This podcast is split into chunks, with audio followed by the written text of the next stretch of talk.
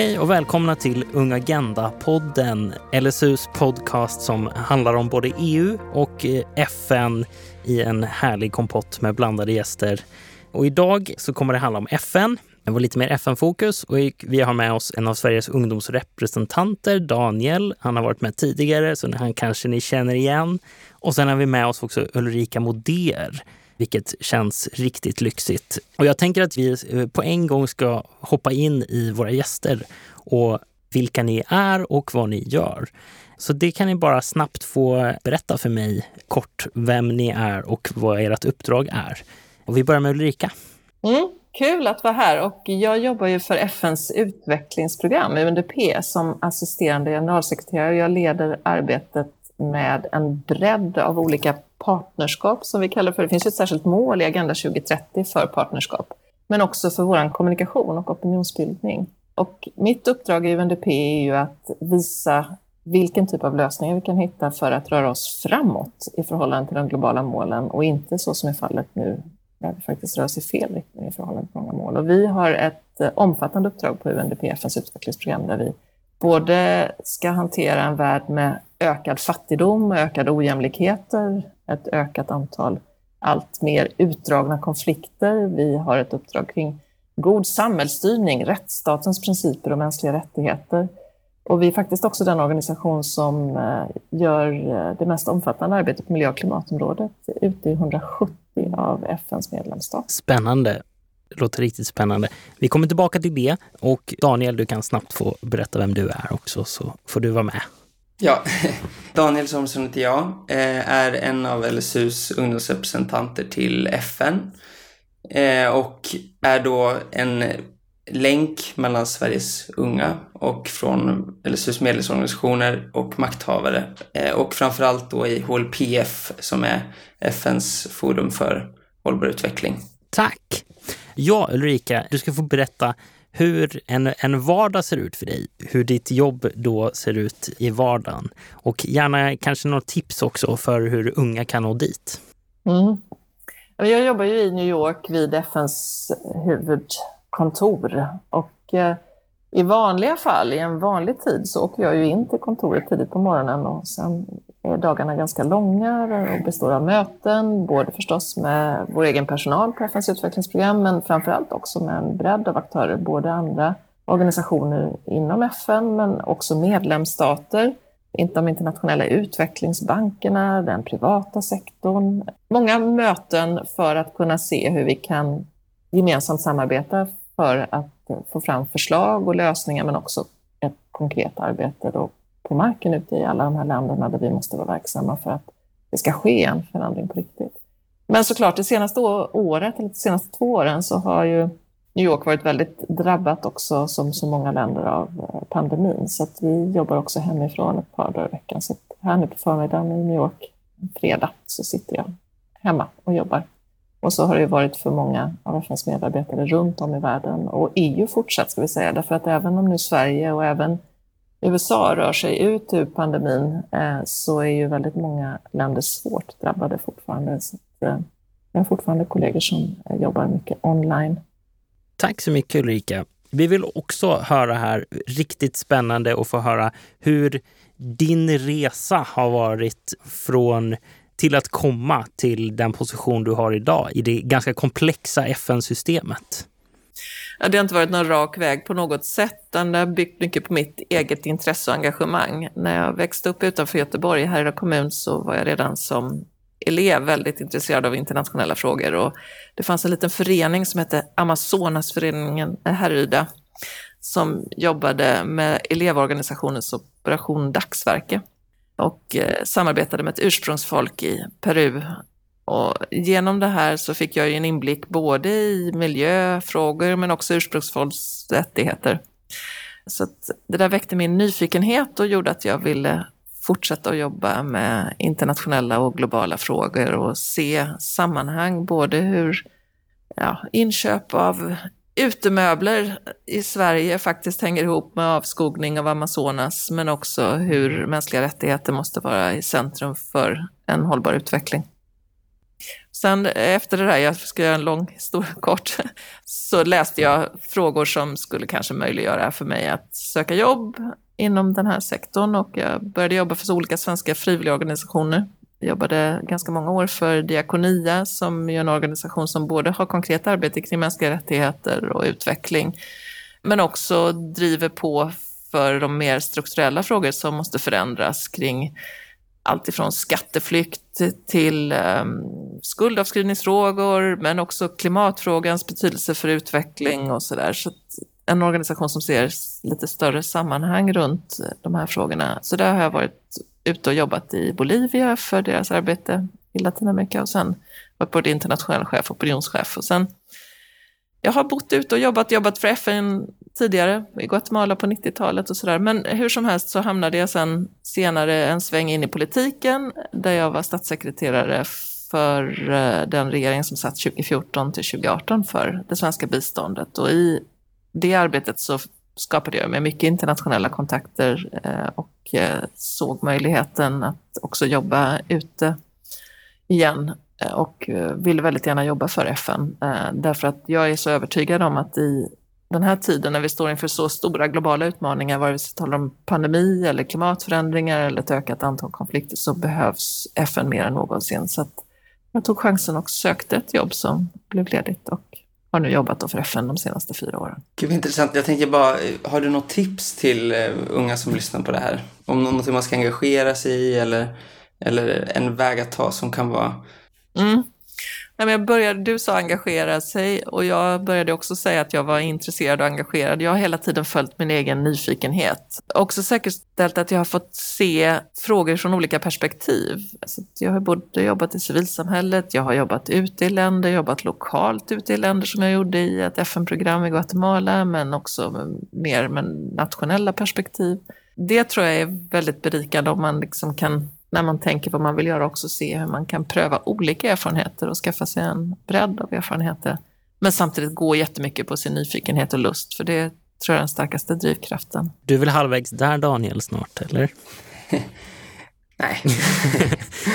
inte, inte, inte riktigt än kanske. Riktigt spännande resa och du verkar ha hunnit med en hel del. Vad har du för tankar kring ungas inkludering i, i FN och de här äh, kanske också i bara engagemang brett men framförallt FNs eh, ähm, processer och liksom hjälpa till att öka möjligheter för ett jämlikt deltagande och att unga röster hörs. Ja, men det är spännande för jag tror att det finns ett verkligt momentum kring ungas inkludering och att inte bara se man ska tick the box och ha unga människor vid bordet för syns skull.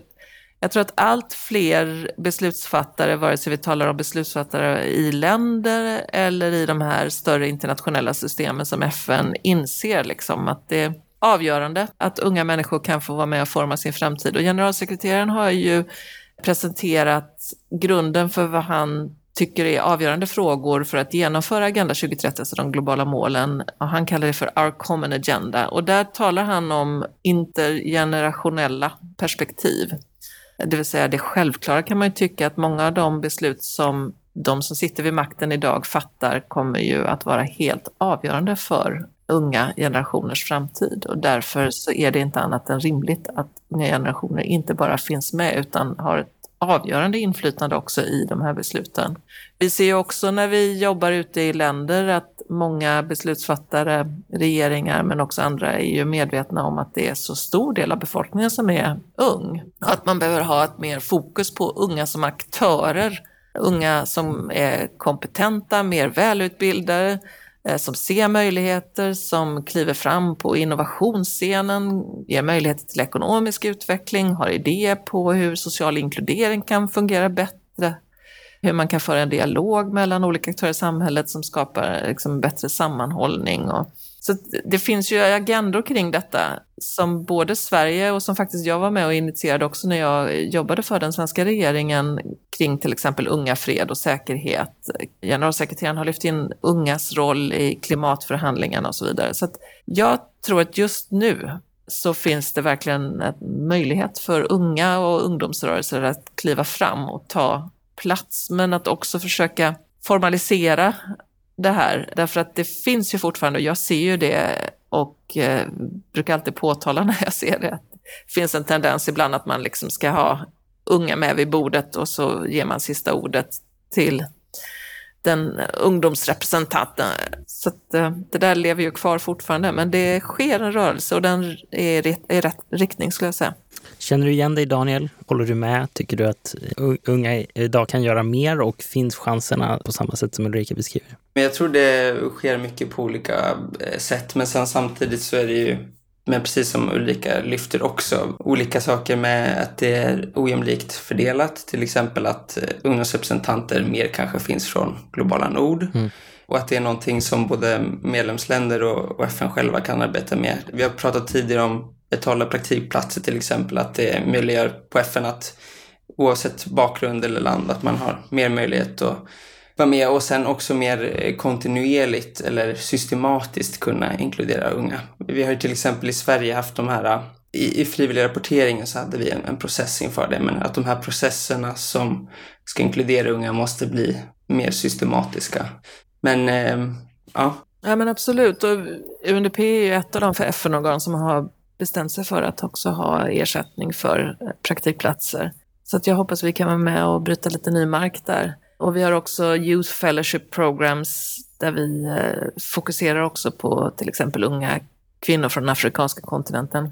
Men det är ju många dimensioner i det här med representation och deltagande och säkerställa att FNs grundläggande värderingar kring icke-diskriminering fungerar. Det handlar ju både om nord och syd, om män och kvinnor, men det handlar ju också om vad man har för ekonomisk bakgrund. Så att det är vårt arbete för att liksom, jobba med talent management i UNDP så försöker vi verkligen titta på hela det här liksom, intersektionella perspektivet och också möjliggöra för unga från syd till exempel som inte eh, som är första generationen som har läst på universitet.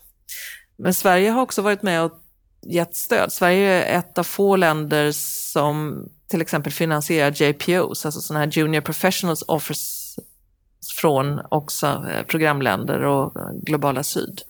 Så att Sverige är på många sätt ett föredöme också i detta.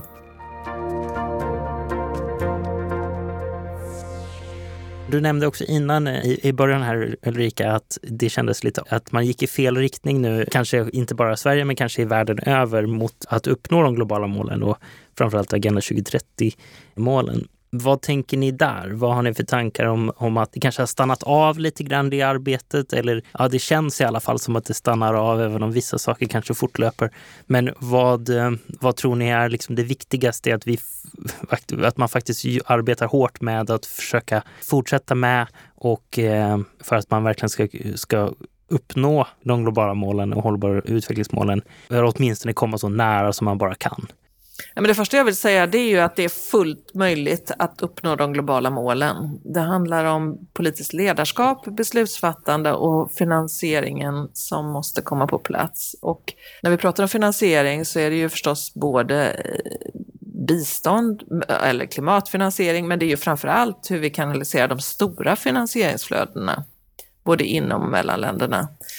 Men det som har skett nu och som vi redan såg tendenser till innan pandemin, det är ju att vi ser en oro, väldigt oroväckande trend kring en ökad ojämlikhet i världen, inom länder, mellan länder. Och klimatkrisen hanteras ju inte med det allvar som den bör. Den senaste och tredje IPCC-rapporten kom ju här i måndags och talar ju om tre år nu där vi måste säkerställa att omställningen går i rätt riktning och att inte utsläppen ökar utan minskar. Och sen förstås det här som vi ser då kring ett ökat antal utdragna konflikter och nu också ett krig mot Ukraina. Eh, och eh, där tror jag det är viktigt att se att vi måste öka investeringarna just i en hållbar utveckling för att minska risken för också ett utökat antal konflikter. Därför att i skuggan av det här fruktansvärda kriget mot Ukraina som vi ser nu så ökar ju fattigdomen, oroligheterna. Vi har eh, all sannolikhet en av de absolut värsta torkorna på Afrikas horn som vi har sett de senaste 40 åren på gång och en rad andra väldigt svåra utdragna konflikter. Eh, så det är väl de här tre delarna som är väldigt, väldigt oroväckande och gör att vi inte rör oss i rätt riktning. Alltså eh, ojämlikheten som vi ser som skapar också en ökad misstro allt färre människor tror ju till exempel på demokratin som en möjlighet att leda oss i en hållbar utveckling. Det är bara 13 procent av världens befolkning som bor i demokratiska länder. Och tilltron till demokratin minskar även i demokratiska länder. Så att eh, det är en ganska dyster bild och samtidigt så har vi aldrig haft mer kunskap om vilka lösningar som måste komma på plats. Så att om man nu tar den senaste IPCC-rapporten så pekar den ju på fantastiska möjligheter att jobba med investeringar, naturbaserade lösningar där man både kan hantera utmaningarna kring den biologiska mångfalden, kring minskade utsläpp och också klimatanpassning och dessutom lägga in möjligheterna till att se hur det här ökar ekonomisk självförsörjning, att det kan förbättra och säkerställa ett hållbart jordbruk. Så det jag och UNDP också tittar på är ju mycket systemlösningar. Alltså hur kan man titta på klimatfrågan, frågan om biologisk mångfald, arbetstillfällen, ett hållbart jordbruk, en ökad ekonomisk utveckling, titta på kvinnors roll i detta och får vi igång det så kan vi röra oss i rätt riktning och i en högre takt än vad vi har gjort förut. Och det tror jag är en viktig påminnelse kring globala målen, att det handlar om systemlösningar i samhällen. Vad har du för tankar Daniel? Eh, nej, men jag är väldigt glad. Jag tycker Ulrika att du har väldigt bra, eller ja, eh, du tar eh, orden ur mun på mig lite här. Men eh, nej, men jag håller verkligen med att eh, det går åt fel håll samtidigt som det finns positiva aspekter som tas upp till exempel i IPCC-rapporten. Men, men hur, precis det du pratade om, hur eh, ojämlikheten både inom länder, mellan länder och mellan grupper ökar och hur eh, klimatfrågan också, att om man inte lyckas med det här, precis som du också nämnde med IPCC-rapporten, att om man inte lyckas med det här, då kommer alla andra mål, eller så som jag ser det i alla fall, försvåras också. Så att, ja, och även hur det här kopplas till ett minskat demokratiskt utrymme och att det då är viktigt att man dels eh, tar modiga beslut och har större ambitioner som också blir till handling och även att eh, koppla till det med jämlikhet, att man verkligen eh, når upp till det här med att inte lämna någon utanför. Unga och eh, andra marginaliserade grupper. Och samtidigt tänker jag man ska också säga att vi ser ju att för varje år allt större engagemang och, och en förståelse för det här hos väldigt många aktörer runt om i många länder. Så samtidigt som på något sätt går i fel riktning så är det allt fler som inser att vi gör det och att vi måste röra oss framåt istället bakåt. Så FN och det som jag jobbar med kring partnerskap runt de globala målen är ju en otroligt dynamisk plats. Vi eh, blir hela tiden kontaktade liksom av otroligt spännande aktörer som vill vara med på den här resan och vända utvecklingen. Så det är ju ändå hoppfullt att kunskapen finns och den ökar och allt fler förstår. Där vill jag också fylla på med precis samma sak med, med ungdomsrörelsen. Unga ser man verkligen hur man trycker på, eh, inte minst i klimatfrågan, men, men även i många andra frågor. Så det håller jag verkligen med om att det är en av de stora hoppen.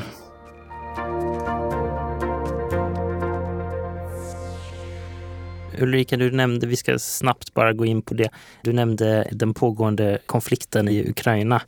Vad har du för spontana tankar där kring FNs möjligheter och begränsningar och, och eh, ser på FNs roll i den konflikten? Ja, FNs begränsningar är väl uppenbara för alla i den meningen att säkerhetsrådet inte tar sitt ansvar eftersom Ryssland är en permanent medlem och det tror jag alla har sett. Samtidigt så har ni också sett hur generalförsamlingen och den absoluta majoriteten av medlemsstaterna ser med största allvar på det här brottet mot FN-stadgan. Men inte minst naturligtvis på det som utspelar sig eh, på marken i Ukraina, i oron i kringliggande länder, men också som jag sa, och det tror jag är väldigt viktigt att påminna om, vi får inte glömma resten av världen. Därför att det här blir ytterligare ett slag mot de ekonomier som inte har kommit igång efter pandemin, där de socioekonomiska problemen är enorma och det här kommer ytterligare öka bördan. Plus att vi har ett stort antal då väldigt allvarliga utdragna konflikter på andra håll i världen. Så att FN försöker ju se på helheten i detta. Och eh, UNDP har en jätteviktig roll i Ukraina. Vi var det FN-organ som hade störst närvaro i landet innan då det här kriget utbröt och eh, invasionen inleddes. Så att vi har ju på många sätt ägnat de senaste veckorna åt att möjliggöra för FNs särskilda representant som ska samordna FNs respons på marken Och naturligtvis också jobbat väldigt nära de ukrainska myndigheterna, den ukrainska regeringen, men också andra myndigheter för att möjliggöra deras respons också. Så att vi jobbar med allt ifrån minröjning till att eh, stödja då de civila myndigheter som jobbar för att röja i de här städerna som har blivit så allvarligt drabbade och att stärka kapaciteten helt enkelt för Ukraina att kunna hantera den här situationen. Vi har också, vilket jag tycker är lite spännande, använt oss av de digitala plattformar som vi investerade ganska mycket i under pandemin. Så runt om i världen och bland annat i Ukraina så har UNDP gett stöd för att bygga digitala plattformar för myndigheter. Så att människor som tvingas att fly inom landet men också eh, till grannländerna eh, har kunnat då använda myndigheterna och till exempel söka ID-handlingar eller pass eller andra saker som behövs nu digitalt på ett sätt som man inte hade kunnat göra faktiskt eh, innan pandemin. Så att just nu så är ju också FNs fokus på att kunna stödja Ukraina och då de grannländer som också tar emot väldigt många flyktingar nu på bästa sätt att kunna öppna humanitära korridorer där det krävs och också göra det som den ukrainska regeringen vill i form av stöd till myndigheter för att de ska kunna fungera så väl som möjligt.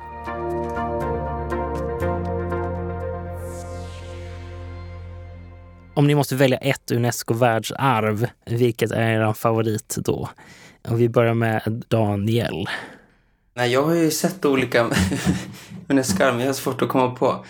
Gud vad svårt att svara på det. Men eh, jag tycker om eh, Masada som är en gammal eh, romersk ruin uppe i, i öknen. Tack. Ulrika? Ja, men de är ju fantastiska allihop naturligtvis. Men Laponia, Sveriges eget Lappland, är ju ett väldigt vackert landskap som Sverige ska vara stolt över. Tack. Jag brukar säga Höga Kusten själv för att jag kommer därifrån. Så att jag, jag är partisk. eh, och så tänkte jag att vi skulle avsluta med bara, om ni båda två kanske vill eh, skicka med ja, men ett tips eller en möjlighet eller ett, ett peppande ord till Sveriges unga i hur de själva kan för det, är många ungdomar som kanske känner att man inte riktigt vet hur man engagerar sig eller vad man kan göra, men man har fortfarande ett väldigt stort driv eller känner ett ansvar.